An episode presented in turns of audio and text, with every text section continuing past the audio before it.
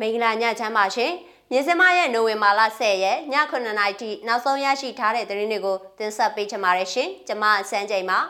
နေပြည်တော်မြို့မဈေးအပေါ်ထပ်မှာရှိတဲ့စီပင်ယုံပောက်ကွဲမှုဖြစ်တဲ့သတင်း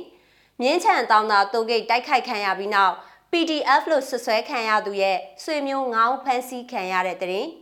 ကြောက်တရားမြို့နယ်မှာမီတာမဆောင်တဲ့အိမ်တွေမီးဖြတ်ခံရပြီးမီတာလာဆောင်သူတွေကိုဒဏ်တက်တဲ့သတင်းအပါဝင် နိုဘယ်ငြိမ်းချမ်းရေးဆုရှင်မာလာလာထိမ်းများလက်ထက်တဲ့သတင်းအဆရှိတဲ့ပြည်တွင်းနဲ့နိုင်ငံတကာသတင်းတွေကိုတင်ဆက်ပေးပါတော့မယ်ရှင်ပထမဆုံးတင်ဆက်ပေးခြင်းတဲ့သတင်းကတော့နေပြည်တော်မြို့မဈေးအပေါ်ထပ်မှာရှိတဲ့စီပင်ရုံးမှာနိုဝင်ဘာလ10ရက်နေ့လယ်တနာရီမိနစ်20မှာပောက်ကွဲမှုတစ်ခုဖြစ်ခဲ့ပါတယ်။အုတ်တရမီတာရုံးရဲ့ခုစီပင်ရုံးရဲ့ပောက်ကွဲမှုကကျွန်တော်တို့စီစဉ်ဆောင်ရွက်ချက်ပါနေပြည်တော်အတွင်းဖောက်ခွဲမှုတွေကိုကျွန်တော်တို့ပဲစီစဉ်ဆောင်ရွက်ပါတယ်။ နောက်ထပ်လည်းလာပါလိမ့်မယ်ခင်ဗျာလို့နေပြည်တော် PDF အဖွဲ့ဝင်တဦးကပြောပါတယ်။ဖြစ်စဉ်အသေးစိတ်ကိုတော့သူကပြောကြားခြင်းမရှိပါဘူး။အုံခနဲ့အတန်အကျဲကြီးပဲစီပင်ရုံးမှာပေါက်တာလူတော့မထိဘူးပြောတယ်မှန်ကွဲစတွေတော့အများကြီးပဲလို့မြို့မဈေးဝင်းကျင်မှာနေထိုင်သူတဦးကမြစမကိုပြောပါတယ်အဲ့ဒီပောက်ကွဲမှုကြောင့်လူထိခိုက်မှုမရှိဘူးလို့ဒေသခံတွေစီကသိရပါတယ်ရှင်မန္တလေးတိုင်းကသတင်းနဲ့ဆက်ချင်ပါတယ် မန္တလေးတိုင်းမြင်းချံတောင်တာတိုးဂိတ်မှာစစ်ကောင်စီတပ်သားတွေတိုက်ခိုက်ခံရတဲ့ကိစ္စနဲ့ဆက်ဆက်ပြီး PDF လို့ဆွဆွဲခံရသူလူငယ်ကိုမနေ့ကနိုဝင်ဘာလ9ရက်မနက်အစောပိုင်းမှာဝင်ရောက်ရှာဖွေရမတွေ့တဲ့အတွက်သူနဲ့မောင်နှမတော်ဆက်သူ9ဦးကိုဖမ်းဆီးခေါ်ဆောင်သွားကြောင်းဒေသခံတွေစီကသိရပါဗျ။ အဲ့ဒီတိုဂိတ်နီးမှာရှိတဲ့ရွာသုံးရွာကိုစစ်ကောင်စီတပ်ဖွဲ့ကတရွာမှာစစ်အင်အား80စီစုစုပေါင်းအင်အား200ကျော်နဲ့ဝင်ရောက်စီးနင်းရှာဖွေမှုတွေပြုလုပ်သွားကြောင်းဒေသခံတွေကပြောပါရယ်။ခြုံကြီးရွာကနေမြို့ကိုအလုတ်ထွက်လုံနေတဲ့ကောင်လေးကို PDF လို့ဆွဆွဲပြီးလာဖမ်းတာမတွေ့လို့သူ့ရဲ့မောင်နှမတွေကိုမနက်6နာရီလောက်ကဖမ်းသွားတယ်။သူတို့ကိုဖမ်းတာနဲ့တရွာလုံးရှောင်ကြတာပဲရွာတိုင်းမရှောင်လို့မရဘူးလေ။တွေ့တဲ့သူကိုတစားကန်လုပ်ပြီးခေါ်သွားတတ်လို့ NLD ပါတီဝင်အဖွဲ့တွေရောလူငယ်တွေကိုရောသူတို့ကိုပြစ်ခတ်တဲ့အဖွဲ့လို့ဆွဆွဲပြီးထင်ကျင်းနဲ့လိုက်ဖမ်းနေတဲ့သဘောပါလို့သူကပြောပါတယ်။ဒလန်ရဲ့တရင်ပေးမှုနဲ့ဆွဆွဲခံရတဲ့ PDF လူငယ်နဲ့ညီအကိုမောင်နှမတော်ဆက်သူအသက်14နှစ်အရွယ်အပါဝင် အမျိုးသား3ဦးနဲ့အမျိုးသမီး2ဦးကိုတောင်သာမြို့နယ်ဘိုးဘွားရိပ်သာရှိစစ်ကြောရေးကိုဖမ်းဆီးခေါ်ဆောင်သွားကြောင်းဒေသခံတွေကပြောပါတယ်ရှင်။ကြောက်တရားမြို့နယ်ကတရင်ကိုလည်းတင်ဆက်ပေးချင်ပါတယ်။ ရန်ကုန်တိုင်းကြောက်တရားမြို့နယ်38လမ်းမှာမနေ့ကနိုဝင်ဘာလ9ရက်ကမိသားမဆောင်တဲ့အိမ်သုံးလျှက်စစ်မီးတွေကိုကြောက်တရားမြို့နယ်လျှက်စစ်ရုံ EPC တာဝန်ရှိသူတွေကလာရောက်မီးဖြတ်တောက်သွားခဲ့ကြောင်းအဲ့ဒီလမ်းအတွင်းမှာရှိတဲ့မီးဖြတ်ခံရတဲ့မြို့ခံတွေစီကသိရပါဗျ။မနေ့ကမနက်ပိုင်း၈နာရီ9နာရီလောက်ထဲကမီးလိုက်ဖြတ်နေတာတလန်းလုံးနီးပါပဲတချို့အိမ်တွေကြတော့လဲလာဆောင်မယ်ပြောလိုက်လို့မဖြတ်သွားတဲ့အိမ်တွေလည်းရှိတယ်။ အိမ်တော်တော်များများတော့ဖြတ်သွားတယ်လာဖြတ်တော့စစ်သားတွေတော့မပါဘူးမီတာယုံကဝန်ထမ်း9ယောက်လောက်နဲ့လာဖြတ်တာလို့ကြောက်တရားမြို့နယ်ပြည်သူတအုပ်ကမြင်းစမအောင်ပြောပါရယ်မိသားဆောင်ရမှာ3လကျော်ကြာမိသားမဆောင်ထားတာကိုတွေ့ရှိပါကငွေကျပ်4000ကနေ12000ကျပ်ထိဒဏ်ငွေတက်ခံနေရကြောင်းမိသားသွားဆောင်တဲ့မြို့ခံပြည်သူတွေစီကသိရပါဗျ။ အိမ်သုံးအတွက်ကျပ်4000နဲ့လုပ်ငန်းသုံးအတွက်ကျပ်12000ကိုမင်းနီနဲ့ရေးပြီးဒဏ်ကြေးကောက်ခံကြောင်းရန်ကုန်မြို့နယ်ပြည်သူတို့ကမြစ်စမကိုပေးပို့ထားတဲ့မိသားစာရွက်ရသိရပါဗျ။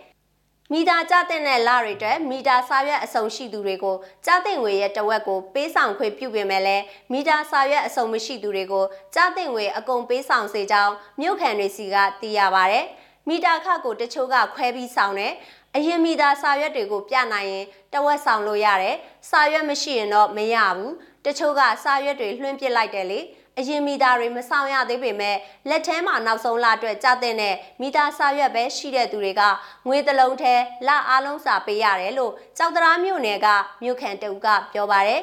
ရန်ကုန်မြို့မှာလုပ်ငန်းသုံးမိသားခတွေ ကြက်၅သိန်းနဲ့အထက်ကျတဲ့နေပါကမီးလိုက်လံဖြတ်တောက်နေကြောင်းစုံစမ်းသိရှိရပါတယ်။ကြောက်တရားမြို့နယ်ကမြို့ခံတဦးကလည်းကျွန်တော်တို့ကအိမ်ငါးတွေပါမပေးနိုင်လို့ခွဲဆောင်ရပါတယ်ကျွန်တော်တို့အတော်ဒုက္ခရောက်ရပါတယ်လို့ပြောပါတယ်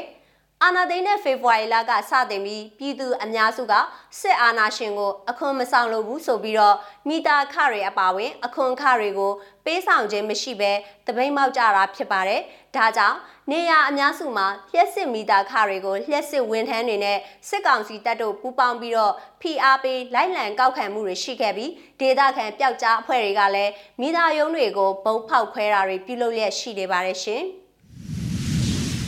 နိုဘယ်ငြိမ်းချမ်းရေးဆုရှင်မာလာလာထိမ်းမြလက်ထက်တဲ့သတင်းကိုလည်းတင်ဆက်ပေးပါမယ်ရှင်။ပါမင်ကန်ကအစ္စလာမစ်အခမ်းအနားတစ်ခုမှာနိုဘယ်ငြိမ်းချမ်းရေးဆုရှင်မာလာလာယူဆွတ်ဇိုင်းဟာသူ့ရဲ့ချစ်သူနဲ့ထိမ်းမြလက်ထက်ခဲ့ပါတယ်။သူတို့သားနဲ့သူတို့သမီးတို့လက်ထက်ကြဖို့သဘောတူတစ္ဆာစောင့်တည်တဲ့အစ္စလာမစ်ထုံးစံနီကတ်အခမ်းအနားကိုသူနဲ့ချစ်သူအက်ဆာမာလီတိုကကျင်းပတာဖြစ်ပါတယ်။အသက်24နှစ်အရွယ်တက်ကြွလှုပ်ရှားသူမာလာလာကသူ့ဘဝမှာ တန်ဖိုးမဖြတ်နိုင်တဲ့နေ့လို့ပြောဆိုပါရယ်ပါကစ္စတန်အမျိုးသမီးရေးတက်ကြွလှုပ်ရှားသူမာလာလာဟာ2012ခုနှစ်ကတာလီဘန်တွေရဲ့တနက်နဲ့ဦးခေါင်းကိုပြစ်ခတ်ခံရပြီးနောက်အနောက်မြစ်လန်းအရက်မှာခိုလုံနေထိုင်နေတာဖြစ်ပါတယ်။အက်ဆာနဲ့ကျမတို့ဟာဘဝတသက်တာလက်သွဲဖော်ဖြစ်စုလျားရစ်ပတ်ကြပါပြီလို့အင်္ဂါနေ့ကတွေ့တာမှာမာလာလာကရေးသားပါတယ်။မိသားစုနဲ့သူနီကတ်အခမ်းအနားအသေးစားကျင်းပခဲ့ပုံကိုသူကတွေ့တာမှာဝေမျှခဲ့တာပါ။ ရှင်းဆက်ရမယ့်ခရီးအတွက်အတူတကွရှောက်လန်းကြဖို့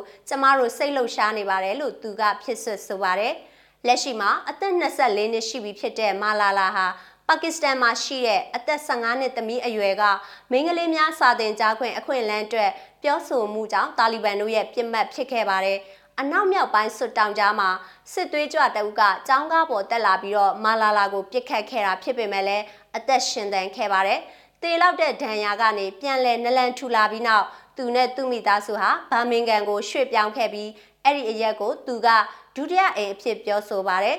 အသက်16နှစ်အရွယ်မှာနိုဘယ်ငြိမ်းချမ်းရေးဆုရရှိတဲ့အသက်ငယ်ဆုံးသောသူဖြစ်လာခဲ့ပါတယ်